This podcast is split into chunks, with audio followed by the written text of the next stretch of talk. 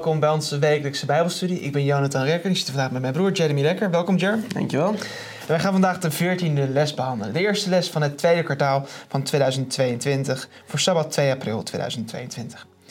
En die les die heet de mishandeling van de Messias, het eerste deel. En vandaag gaan we het vooral hebben over een psalm, psalm 22, waarin we verschillende profetieën zien over het lijden, uh, de lijdensweg die Jezus voor ons heeft uh, gedaan. Maar voordat we daar verder en dieper over gaan bestuderen, gaan we altijd eerst in gebed. Mm -hmm. Trouwe, dierbare Vader in de hemel, we komen voor uw troon der genade om toch uw zegening te vragen voor deze les. Vader, wilt u ons zegenen doordat we de diepgang en de, de boodschap uit deze les mogen halen, dat we die duidelijk mogen maken voor de mensen thuis. Amen. Wilt u, wilt u alsjeblieft ons bedouwen met uw Heilige Geest en ook de mensen thuis bedouwen met uw Heilige Geest. Dat we toch ook de, de, toch ook de pijnlijke realiteit die Jezus heeft mogen, moeten doorstaan. En dat we zijn liefde mogen zien, Heer. En, en dat u van ons houdt. Wilt u ons zegenen en behoeden en wilt u ons zonde vergeven. In Jezus' naam vragen dit. Amen. Amen.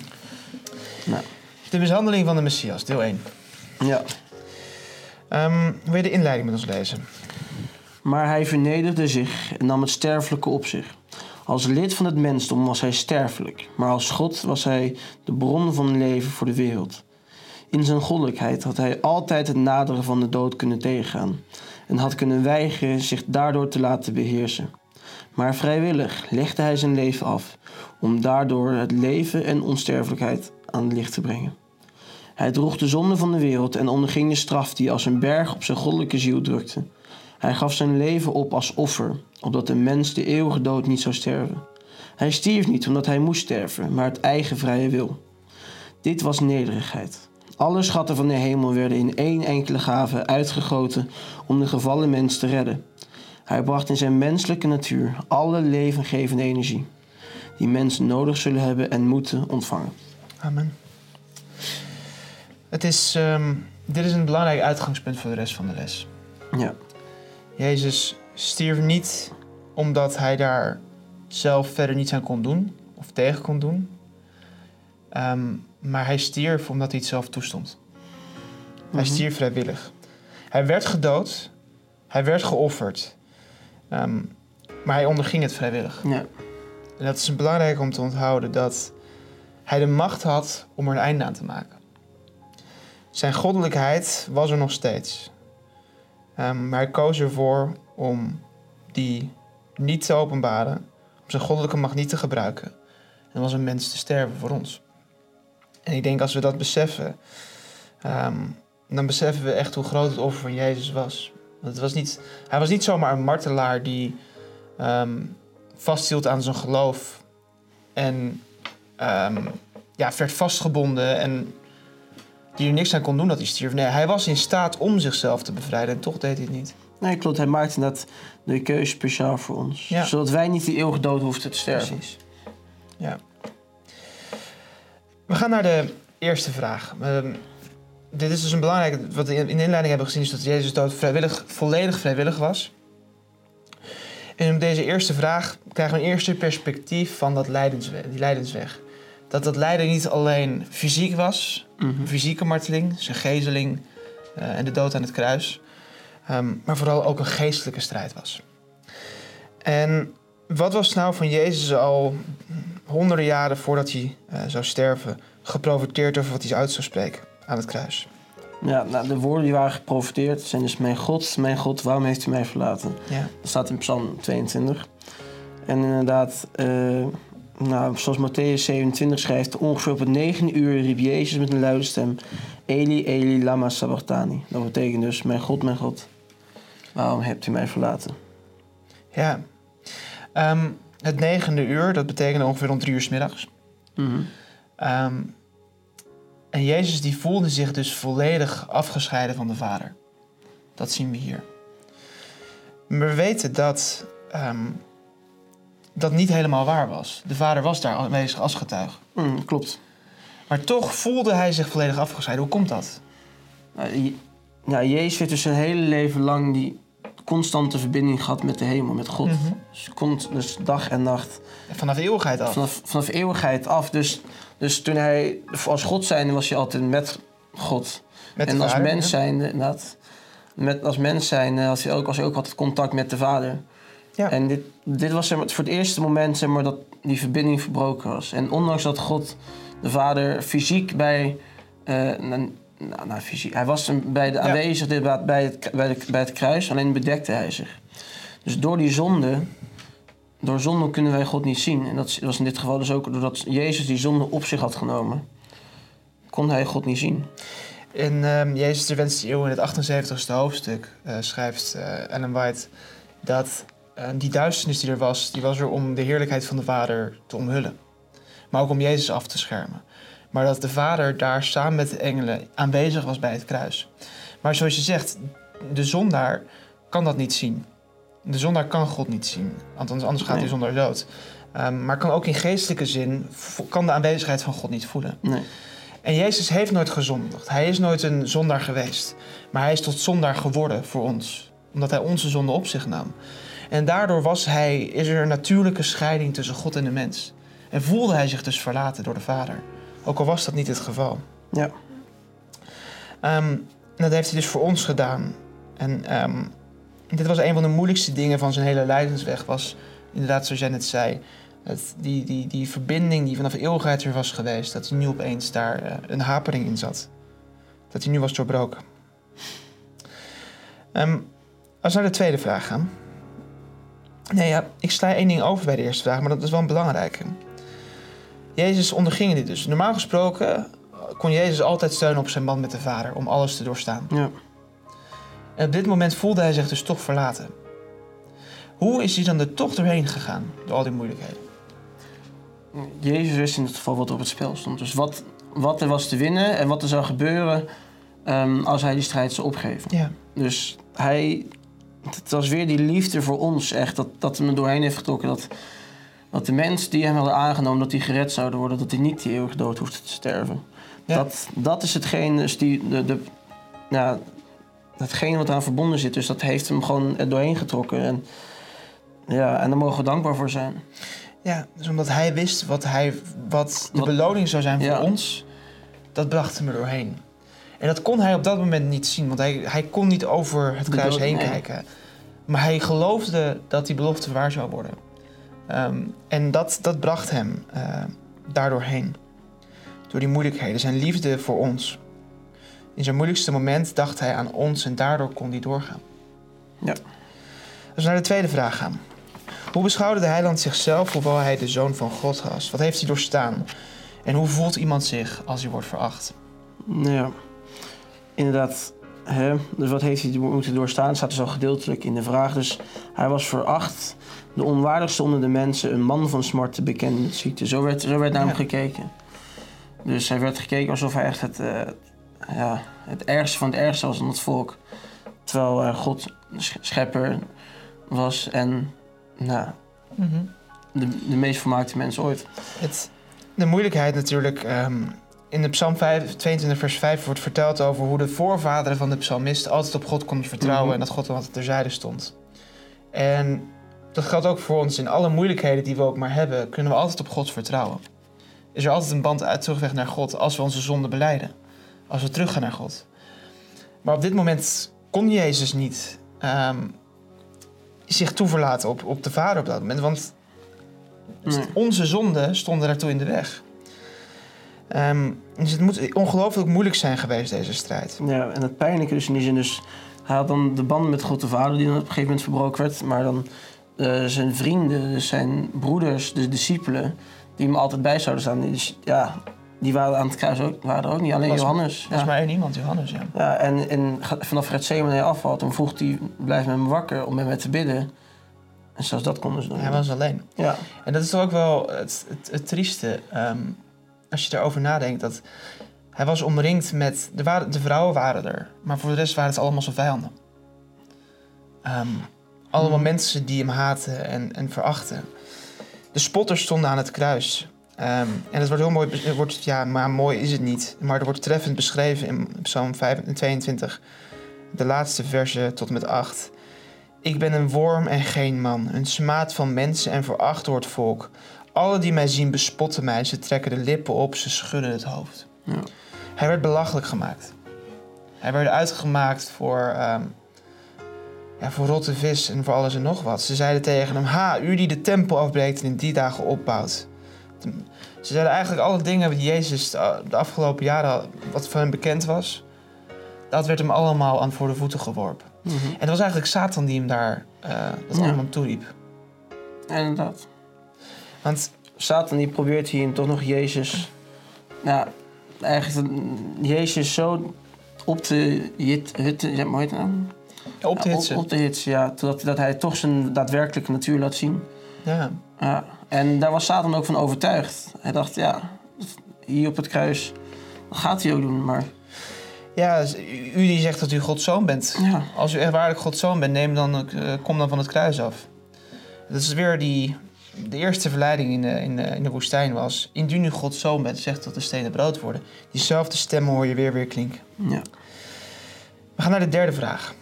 De mensen die Jezus bespotten, die zeiden dus... Nou ja, als u Gods zoon bent, dan kom er dan vanaf. Geloven ze dat wer- werkelijk? En met welke minachtende uitingen spraken ze over hem... terwijl ze hem als zwak en hulpbehoevend beschouwden?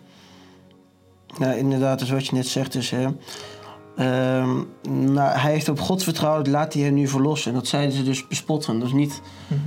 Het, is, het zou mooi geweest zijn als ze dat als daadwerkelijke boodschap echt naar hem bracht. Van, och, hè? maar nee, ze bespotten hem ermee.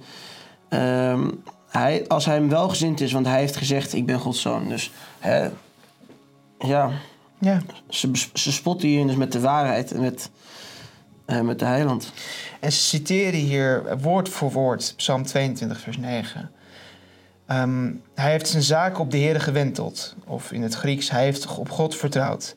Laat die hem bevrijden. Laat die hem nu verlossen Matthäus. Laat hem die redden als hij hem genegen is. Als hij hem welgezind is. Ja, Het is bijna let, het is een letterlijk citaat van die woorden. Die ging op dat moment in vervulling. Ik denk niet dat ze zich daar bewust van waren. Ehm, maar ze vervulden deze psalm op ja. dat moment in volle omvang. Ehm, ja, en ze riepen hem dus toe: als je God zo bent, kom er dan vanaf. Ja. Maar ze wisten het stiekem wel. ja Ze wisten dat hij de Messias was. inderdaad. I- eigenlijk bijna iedereen wist het. De, de, de, de fariseeën wisten het, de Pilatus wist het, iedereen wist het. Ja, Pilatus had het in ieder geval zeker kunnen weten. Want zijn Ja. vrouw zei het nou bijna nog. Ehm, dus deze mensen die zeiden deze dingen spottend. Ehm, maar ze citeerden dus eigenlijk vrijwel letterlijk de, de, de profetie. Ook al wisten ze dat waarschijnlijk niet. Maar welk bijgevolg had dat?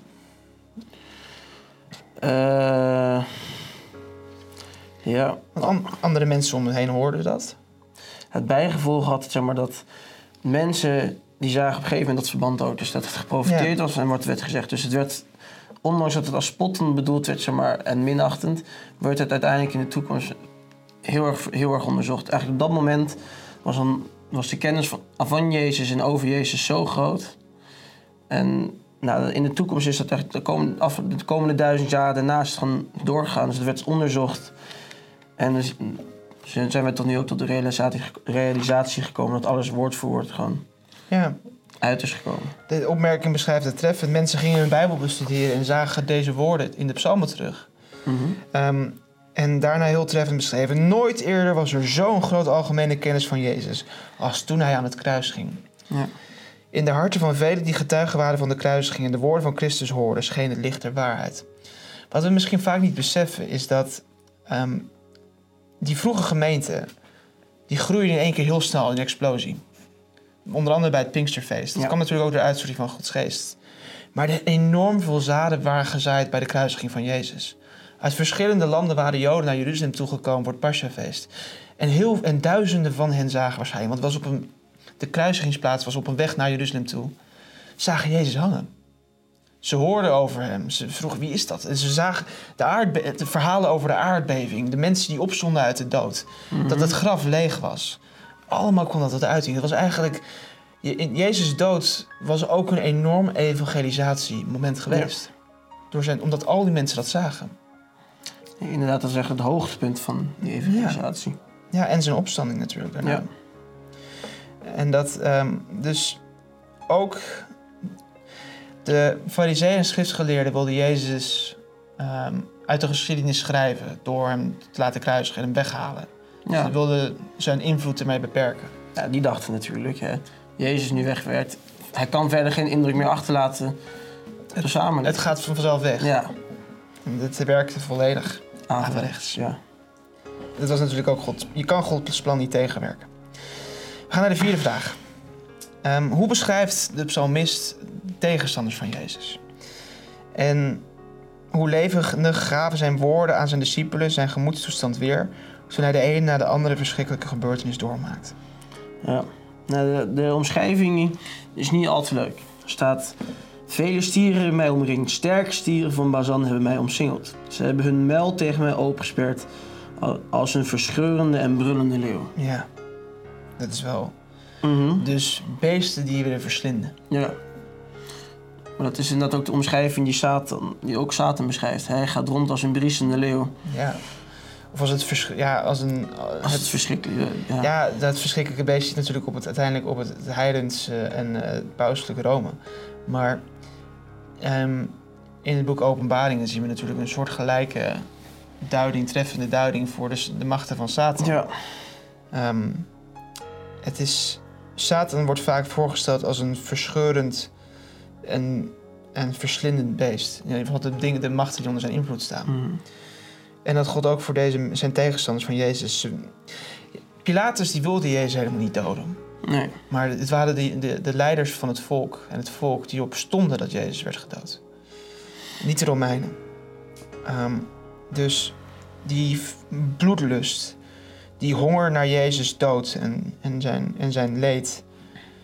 eh, het is heel treffend omschreven in Psalm eh, 22, vers 13 en 14. Wat deed dat met Jezus?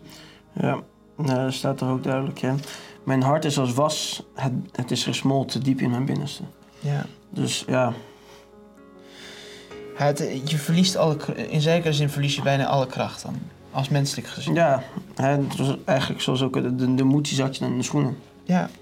En dat Jezus voelde deze pijn ook. Ehm, het, moet Jezus, het heeft Jezus ongelooflijk veel pijn gedaan dat mensen hem zo graag wilden doden. Ja. Ehm, sterker nog, toen Jezus ehm, bij het graf van Lazarus stond en hoorde hoe al die, al die Joden voor Lazarus aan het wenen waren, terwijl ze later van plan zouden zijn om Lazarus te doden omdat hij een bewijs was van Jezus' macht. Toen huilde hij. Hij huilde niet om Lazarus, maar hij huilde om die hypocrisie en de vreedheid van deze mensen. Ehm, het deed Jezus heel veel pijn dat de moordplannen van de, van de fariseeën en de schriftgeleerden en van de priesters en de oversten. Het deed hem ook heel veel pijn dat zijn eigen discipelen hem zouden verlaten. Wanneer hij ze het hardst nodig had. Ja. Dus de beschrijving. En hij verlaat, het ook aan zijn discipelen weten. In, de in Matthäus 26, vers 38 zegt hij tegen hen: Mijn ziel is zeer bedroefd tot de dood hier toe. Blijf hier en waak met mij. Hij vroeg ze om met hem te blijven. Zelfs dat konden ze niet. Nee. En dan de psalmbeschrijving is dan heel treffend. Als water ben ik uitgestort, ontwricht zijn al mijn beenderen. Mijn hart is als was, het is gesmolten tot diep in mijn binnenste. Ehm, Jezus had een hoop leed en ellende. En niet alleen fysiek, maar ook geestelijk en mentaal. Terwijl hij stierf voor ons. We gaan door naar de vijfde vraag. Ehm, ook nog een fysiek aspect van het lijden. Werd ook voorzegd in Psalm 22, vers 16. En wel, wat, welk fysiek aspect van het lijden wordt daar beschreven? Nou, Jezus had in dit geval dus al eigenlijk al een flinke tijd lang niet gedronken. Ik weet. En op dit moment heeft hij dus dan dorst. En dan, het enige wat hij om vraagt is een beetje water eigenlijk. En dus mijn, hier mijn tong, en, en de psalmist had dit ook al voorspeld. Hier mijn tong kleeft aan mijn gehemelte. Hij had dorst. Ja. Ja. En wat, wat ze deden dus is, ze drodenkten een, een spons met azijn en gal. boden hem niet te drinken aan. Dus het enige wat hij hem vroeg is een, be- een beetje water. Maar zelfs dat kreeg hij niet. Nee. Het is. Overigens, dat stil over die, die, die, dat, dat hem gal werd aangeboden. Dat is ook voorzegd in Psalm 69, vers 22. Mhm. Ehm, en dat weigerde hij op dat moment. Eh, omdat hij zijn, zich niet, zijn lijdensweg niet wilde verontreinigen. Ehm, maar hij had gewoon dorst. Hij, hij leed op zoveel verschillende manieren, mentaal, geestelijk. Maar je moet je ook voorstellen dat ehm, Jezus moest op dat moment zelfbeheersing uitoefenen. Want hij was bij machten om er een einde aan te maken. Ja. En als je zoveel stressprikkels hebt. Dat je dus, je wordt, ge- je wordt gepest. Je wordt geplaagd. Je wordt uitgescholden, veracht. Je hebt fysieke leed. Je bent aan het stikken. Want als je aan het kruis hangt, moet je jezelf continu omhoog eh, heffen om te kunnen ademhalen. De striemen op zijn rug drukten op de splinters van het kruis. En daarnaast had hij ook nog gewoon dorst. Mhm. Ja, als, ik, al- als ik een aardig wat stressprikkels op een dag heb, dan heb ik, ik heb normaal gesproken misschien redelijk wat zelfbeheersing, maar dan is het lontje erg kort. Ja. En in dit geval waren het mensen om me heen. Ja, Die, hadden niet eens, die konden niet eens bestaan zonder, zonder zijn aanwezigheid, zonder zijn scheppingskracht. precies. En dan zijn dat de mensen, en, dan wordt hij alleen maar bespot en ver- ver- veracht. Ja. Ik denk dat wij onderschatten hoe- hoeveel zelfbeheersing Jezus moest uitoefenen bij het kruis. Ja. Want hij kon er een einde aan maken. Hij had de macht om dat te doen. Mhm. Hij, hoefde, hij kon bij wijze van spreken knippen met zijn vingers. En alle mensen om hem heen zouden als dood neervallen. Die macht had hij als schepper. Nee, maar dat onderschatten wij, maar dat heeft ook Ja. Satan onderschat. In dit geval. Nou ja, Satan wilde dat Jezus. Satan wilde hij- hier gebruik van maken. En hij dacht dat hij dat ook kon. En hij dacht dat hij het zou doen. Hij Ja. Satan had Jezus zelfbeheersing onderschat. En zijn liefde voor ons. Ja. Want Jezus wist ook, als ik dat doe, dan heeft Satan gewonnen. En zijn de mensen voor altijd verloren. Ehm, dus als u denkt, ik heb, ben moe, ik ben gestrest, ik red het niet meer. ehm, probeer dan te leren van Jezus. Want wat Jezus onderging, was zoveel meer dan wij moeten ondergaan. En hij kon het echt, hij kon het echt anders doen. Maar hij koos uit liefde voor ons om dat niet te doen, om zelfbeheersing toe te passen. Ehm, de we gaan verder met Psalm 22. We gaan door naar de zesde vraag. En wat wordt ook daar nog beschreven over de wonden die Jezus had? De, de plek van de wonden zelfs. Ja, dus, dus daar staat ook al van tevoren geprofiteerd. Hier zijn mijn handen en mijn voeten doorboord. Al mijn benen zou kunnen tellen. En zij, en zij zien het aan en zij kijken naar mij. Ja, Dus hier staat zijn handen en zijn benen die waren ook doorboord. precies. Dus Mhm. zelfs de plek van de, van de wonden waren voorzegd. Ja, Ehm, toen is dat de Romeinen ook kunnen ophangen. en tot Maar- in... Ja, Ja, dat had ook gekund. dat had gekund, maar dat stond niet geprofiteerd. Dus eh, het moest zo zijn. Het opmerkelijke is dat tot in eeuwigheid Jezus deze wonden zal hebben. Het zullen de enige laatste merktekens zijn tot in alle eeuwigheid van zonde. Mhm. Alle herinneringen aan de zonde zullen worden uitgewist, behalve de wonden van Jezus. Het was ook het kenmerk voor hem aan zijn discipelen, want elke keer als hij aan hen verscheen, zei hij: Kijk naar mijn handen en mijn voeten, ik ben het. Ja. En daardoor wisten ze dat hij het was. We gaan door naar de laatste vraag. De psalm beschrijft nog een laatste, heeft nog een laatste, psalm 22 heeft nog een laatste profetie voor ons. En welke, waar zag die profetie op? Nou, de profetie was nog over het, dus verdelen van zijn kleding. En er staat dus, zij verdelen mijn kleding onder elkaar en werpen lot om mijn gewaad. Dat is precies wat ze deden, want de kleren die ze konden verdelen, die hadden ze gedeeld in vier. En met onderkleed, dat was in één stuk geweven, dus daar hadden ze een muntje op gegooid. Dus het, het, het lot, Ja, ze hadden gedobbeld. ja, gedobbeld. Inderdaad, in ieder geval met elkaar eh, gespeeld over wie dat laatste stuk zou Ja. krijgen. En dat was precies voorzegd ehm, in, in Psalm 22. Dat ze Jezus kleren zouden verdelen en ook het lot zouden werpen Ja, over zijn, zijn kleed. En dat is in woord voor woord uitgekomen. Het moet tragisch voor Jezus zijn geweest om dit allemaal ook te moeten zien. Ehm, ehm, zo hartverscheurend dat de mensen voor wie hij was gekomen om te sterven, zo, hem zo enorm haten. De mensen die hij lief had, dat zij hem zo haten. Zijn schepselen, zijn kinderen. ja. Voor wie hij was gekomen om te redden. Ehm, maar als we dit allemaal zien, allemaal horen en wat Jezus voor ons heeft gedaan, dan kunnen we alleen maar zeggen, uitspreken wat er in Openbaring 15, vers 3 staat. Groot en wonderbaarlijk zijn uw werken, Heere almachtige God. Rechtvaardig en waarachtig zijn uw wegen, Koning van de Heiligen. Dat is denk ik het enige wat we kunnen uitslaan als we hierbij stilstaan.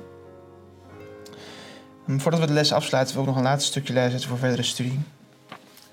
Om ons te beseffen hoe verschil- hoeveel verschillende aspecten aan het lijden van Jezus staat.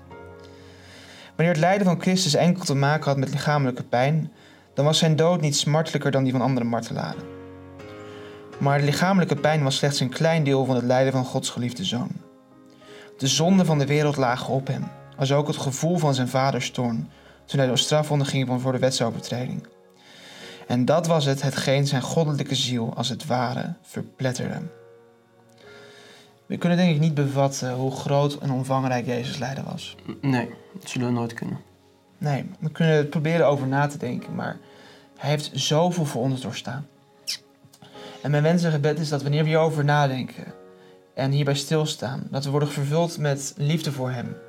Met het besef dat hij zoveel van ons houdt. Dat hij bereid is geweest om dit allemaal te doorstaan.